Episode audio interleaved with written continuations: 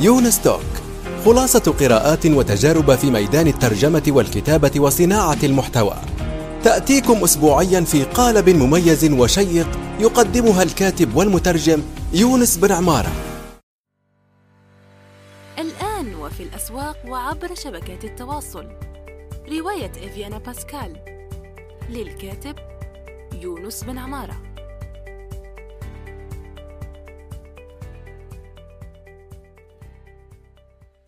السلام عليكم ورحمة الله وبركاته. صباح الخير أو مساء الخير حسب الوقت الذي تستمعون فيه إلى هذه الحلقة الجديدة من يونس توك. معكم يونس بن عمارة. أنا منشئ يونس توك وأدون يوميا بفضل الله في مدونتي مدونة يونس بن عمارة. أكتبوها في جوجل ستجدونها الأولى بإذن الله. طالعوا ما أكتبه تابعوني أيضا على تويتر. واليوم إلى إجابة عدة أسئلة من الأستاذ زول بزنس. أيضا أنصحكم تكتبون زول بزنس على تويتر وتتابعون حسابه المليء بالفائدة. صراحة نتعلم منه الكثير. ويسعدني الإجابة أو بالدقة. محاولة الإجابة على أسئلة الأستاذ زول بزنس لأنها من العيار الثقيل والمفيدة جدا. النافعة أيضا. فلنبدأ على بركة الله مع أول سؤال. والذي يقول علاقة صناعة المحتوى بنهضة أمم وشعوب من القاع إلى الصدارة.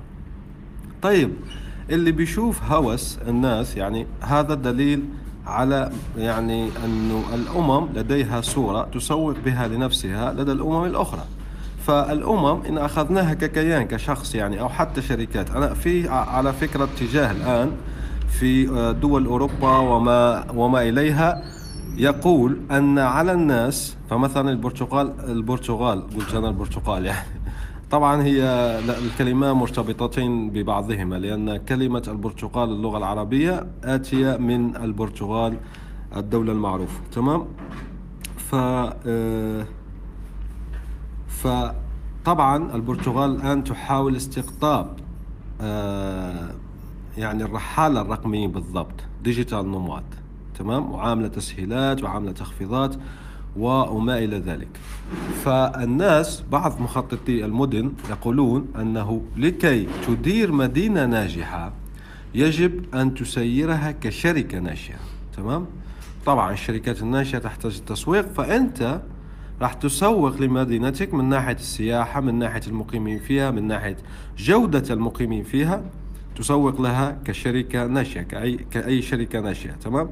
فهذا أيضا ترند أو ميل تجاه يجب علينا أن نضعه بعين الاعتبار لدى الحديث أو عند الحديث في هكذا موضوع. فنعيد يعني السؤال علاقة صناعة المحتوى بنهضة أمم وشعوب من القاع إلى الصدارة. بالفعل يعني كما قلنا الأمم والشعوب لو أخذناها ككيانات إجمالية تحتاج إلى التسويق. طبعا سؤال التسويق هو عبارة عن رسالة يعني بشكل أو بآخر فهو عبارة عن رسالة. الرسالة ما هي؟ هي محتوى.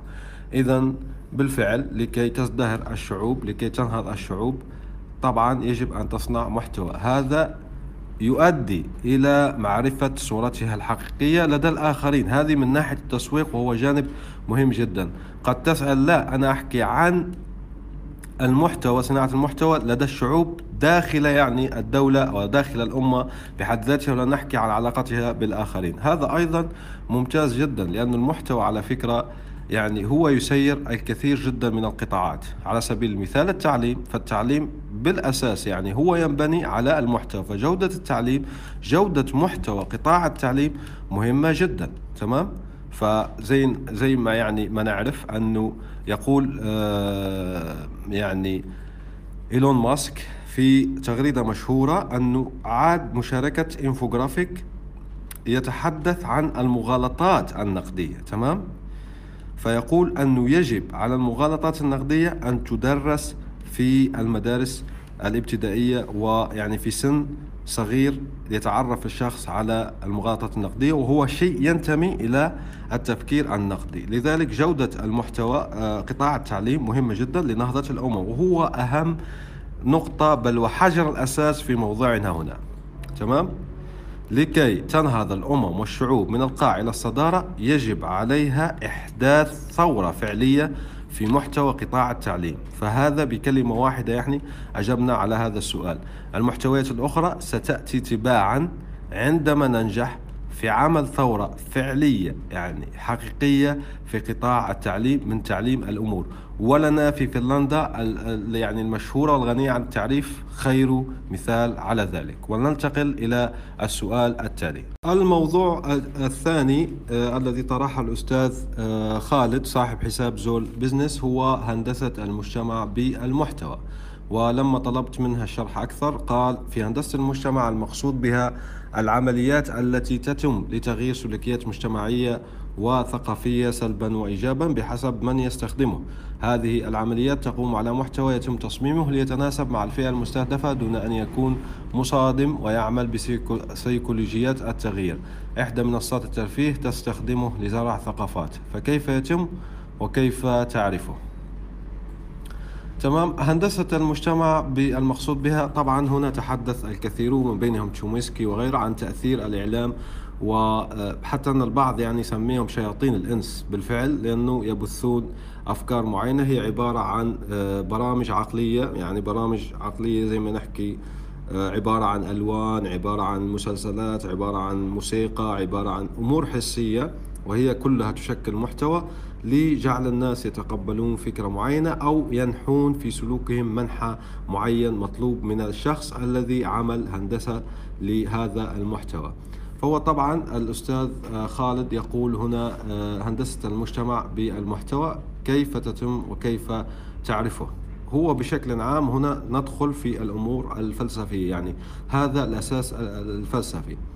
لأنه فيه محتوى. هل المحتوى هذا فيه نية وقصد؟ أم عشوائي تمام؟ وكما يقول الآخرون يعني إن لم تكن لك خطة كنت ضمن خطط الآخرين. فحتى المحتوى مثلا المحتوى الذي نية الشخص فيه اللي أسسه أنه لا نية له يعني ما بيعرف هو فقط يغير يعني عفوا يغرد مثلا أو يكتب أو يعبر عن نفسه أو يفضفض وخلص فالآخرون الذين لديهم خطط طبعا يمكنهم استغلال ذلك. لذلك هنا عندنا قسمين. فمحتوى لا نية فيه أو لا تخطيط مسبق والأشخاص يعني يلقونه هكذا وخلص يعني طبيعة بشرية تمام؟ وفيه الناس اللي تخطط المحتوى. على فكرة كل شيء زي ما حكينا في المثل السابق هو أنه إن لم تخطط فإذا يخطط لك الآخرون. فالمحتوى الذي لا تخطيط فيه فيه لا نية لمطلقه أو منشئه أنه يحدث شيء معين يندرج ضمن الناس اللي تخطط أو تنتج المحتوى لعمل أشياء معينة. تمام؟ فكيف يتم وكيف نعرفه وكيف تعرفه؟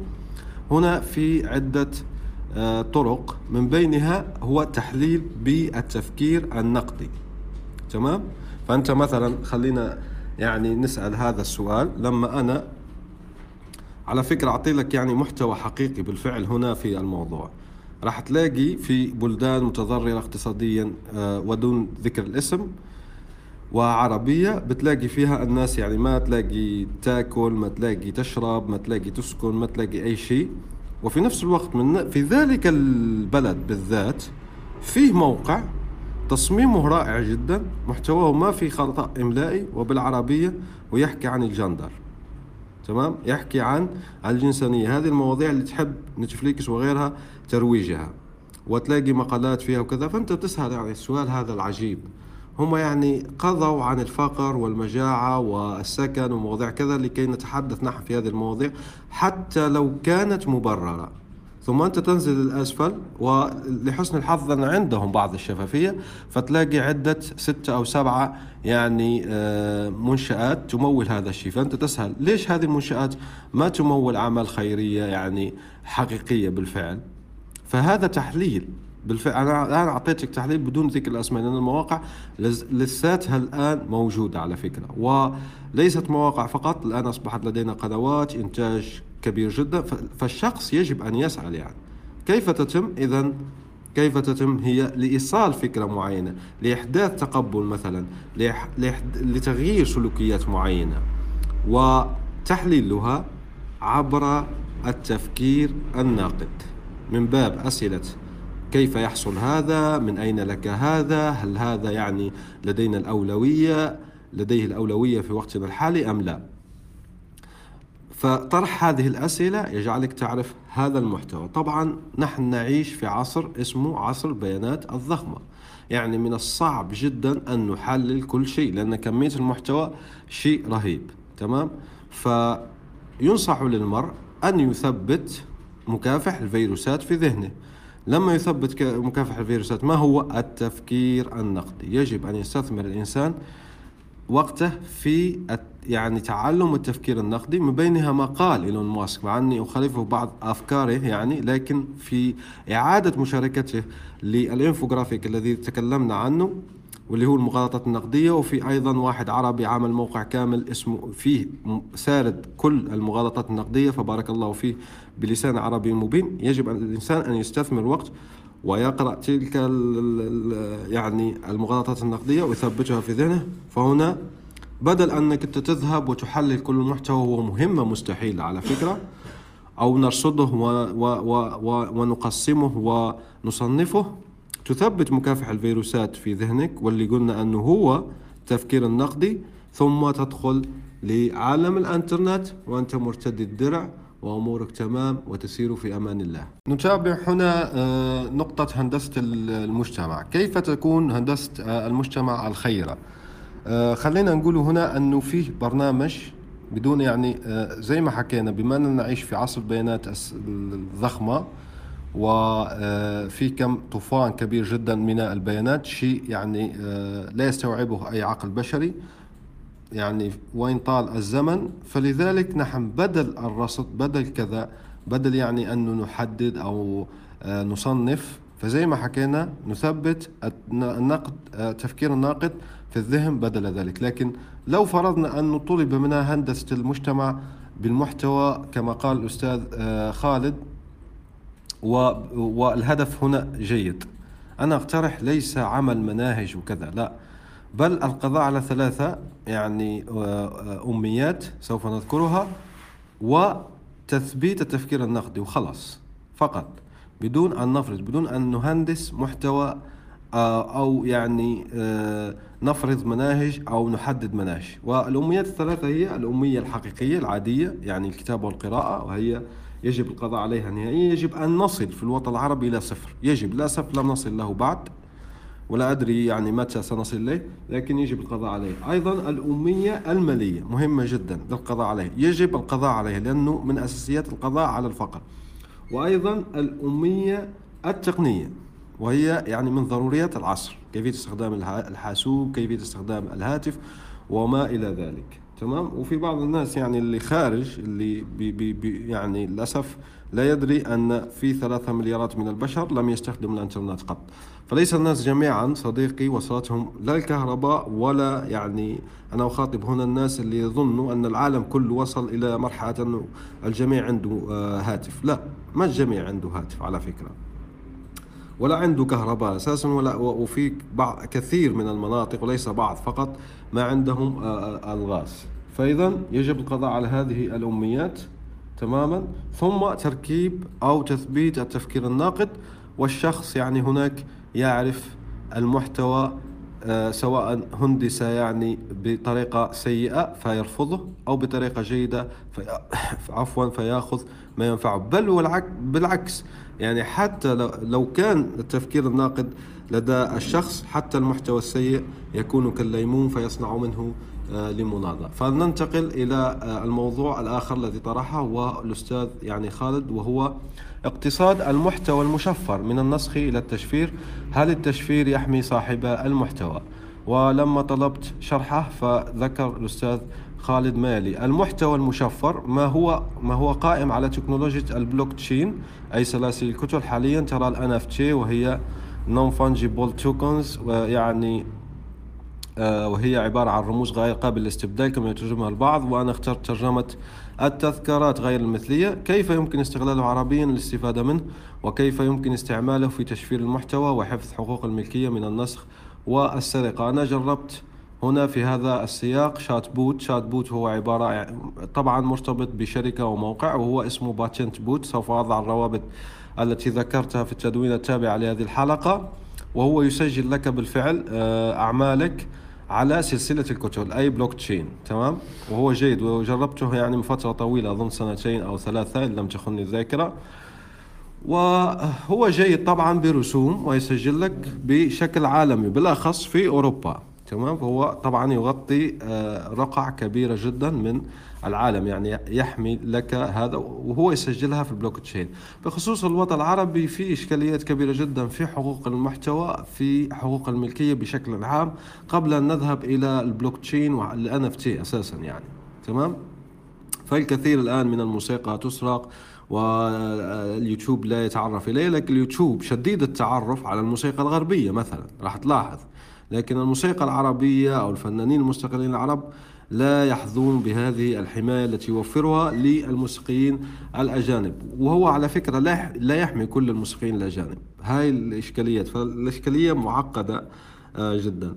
فكيف يمكن استغلاله عربيا للاستفادة منه؟ هو رفع الوعي بالحقوق الملكية الفكرية. يجب علينا اتخاذ خطوات في هذا الاتجاه. تكون الخطوات حقيقية وفعالة تمام؟ ثم نعمل NFT على فكرة أنا NFT على ذكر ال NFT يعني رأيت فلسطيني عمل عمل فني بين NFT وطلب دعمه وأظن أنه تلقى الدعم. هذا جميل جدا. أيضا آه الأستاذ والأديب المصري أحمد ناجي عمل أول NFT أدبي في الوطن العربي وذكرته في إحدى التدوينات أيضا صادع الرابط. فهذه خطوات جيدة جدا. كيف يمكن استغلالها عربيا؟ هذه التجارب الناشئة نشجعها. تمام؟ كيف نستفيد منه؟ بدعم الفنانين. هؤلاء الادباء زي ما حكينا نحن الفنانين. الفنان هذا الفلسطيني لو تكتب فنان فلسطيني زائد ان اف في جوجل راح تلاقيه لأنه لا أملك الرابط لكن تبع أحمد ناجي سوف أضع الرابط. فمن البداية هنا تشجيع المبادرات الناشئة بالفعل يعني وطبعا ربط حقوق مثلا الهيئات المتخصصة في الحقوق الملكية الفكرية العربية يجب عليها أن تدخل لسلاسل الكتب لكن فعلا مين راح أخدع أو أحكي؟ نحن نعرف أن هذه الهيئات للأسف تسير وتفكر ببطء السلحفات فأنت لما نذهب مثلا لديوان الحقوق الملكية الفكرية لدولة عربية سين. أقول السلام عليكم وعليكم السلام. هل تعرف قوة سلاسل الكتل في تسجيل الحقوق الملكية؟ راح يسألك هذا السؤال. ما هي سلاسل الكتل؟ فتقول أنت لا حول ولا قوة إلا بالله. فهذه الإشكالية. لكن نحن كأفراد طبعا أنت تعرفني أني لا أركن إلى سلبية أو يعني الظروف تمام؟ نحن كأفراد ماذا عليه أن نشجع الفنانين المستقلين على دخول وتسجيل أعمالهم في البلوك تشين وموجودة عدة يعني حلول ورخيصة الثمن زي ما حكينا PatentBot وغيرها ليست هي الوحيدة لأنه زي ما حكينا منذ سنوات أنا اشتغلت يعني عليها أو جربتها. يجب أن ندخلها يجب أن نشجعهم على إطلاق ال NFT يجب أن نشجعهم على إطلاق ال NFT ويجب أن ندعمهم ماليا ونسوق لهم ونروج لهم. فهذه هي الطريقة أنا اللي أراها جيدة كيف يمكن استغلال هذا الأمر عربيا. الآن وفي الأسواق وعبر شبكات التواصل. رواية إفيانا باسكال للكاتب يونس بن عمارة.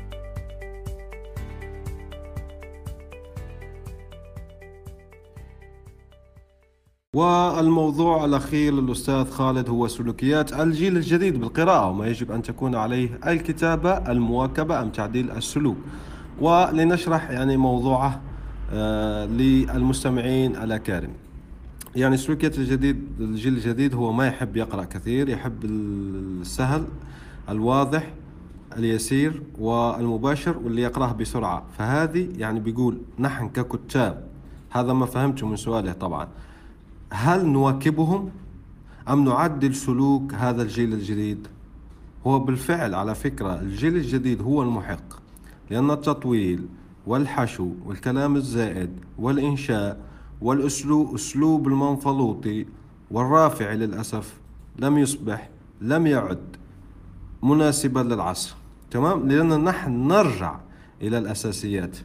قد تقول يعني كيف نحن نرجع إلى الأساسيات؟ خلينا نرى أحد الناس المهتمين باللغة العربية واللي هو الأستاذ أبو البقاء واللي عنده كتاب مهم جدا ننصح به وعنوانه الكليات.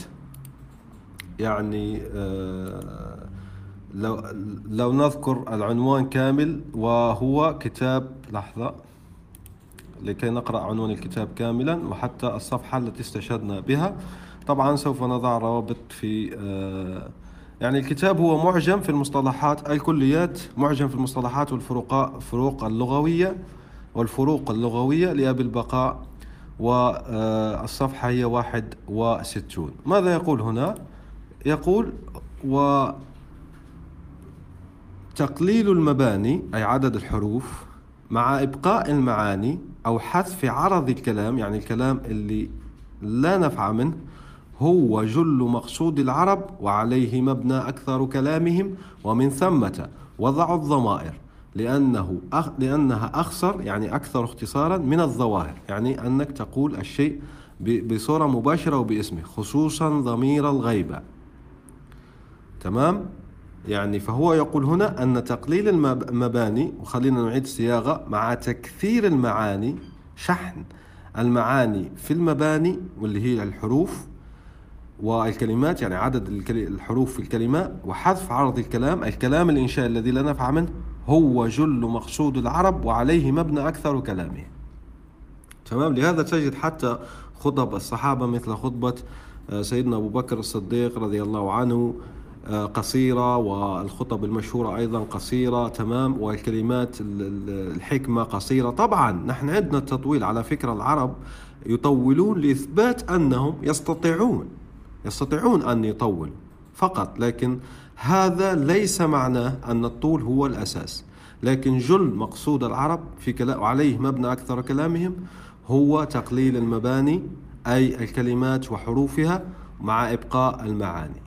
وهذا لو لاحظت هو سلوكيات الجيل الجديد. لماذا البعض يعارض هذه الفكرة على يعني على فكرة أو بالمناسبة؟ لماذا يعارض؟ لكي لا يظهر أنه لا يعرف. فهو يختفي وراء الكلمات وحشو الكلمات وتعقيد الأمور لكي يقول أنا إن أنفقت عمري على ما ينفع. هو للأسف يعني الآن بعض الناس صدقني أستاذ خالد والذي يسمع يخافون من هذا الاختصار غير المخل. فبالفعل أقول لك شيء أنا شخصيا استفدت بدون مجاملة من thread اتك أكثر من بعض الكتب كاملة بكل صراحة. بعض الكتب فيها 300 400 صفحة بتقراها. الاستفادة صفر. ندمت على الوقت ندمت على المال كل شيء. لكن thread واحد أنا أقولها هنا thread واحد. وهذا من حضرتك ومن حضرة آه، الأستاذة ميس أبو صلاح وغيره. تختصر يعني الكلام وزي آه، ما قال الأستاذ أبو البقاء تقلل المباني مع إبقاء المعاني وهذا هو المفيد وهذا هو سلوك الجيل الجديد ولهذا جوابك هنا هي المواكبة. نعم المواكبة. طبعا في اختصارات آه، مخلة خلينا نقول. أنت بارع في إبداء المعلومة بشكل صحيح وكذا لكن لكي نوازن في اختصارات مخلة بالفعل. فبتحسس الشخص بإحساس زائف وهو أنه كسب المعلومة وما كسب المعلومة.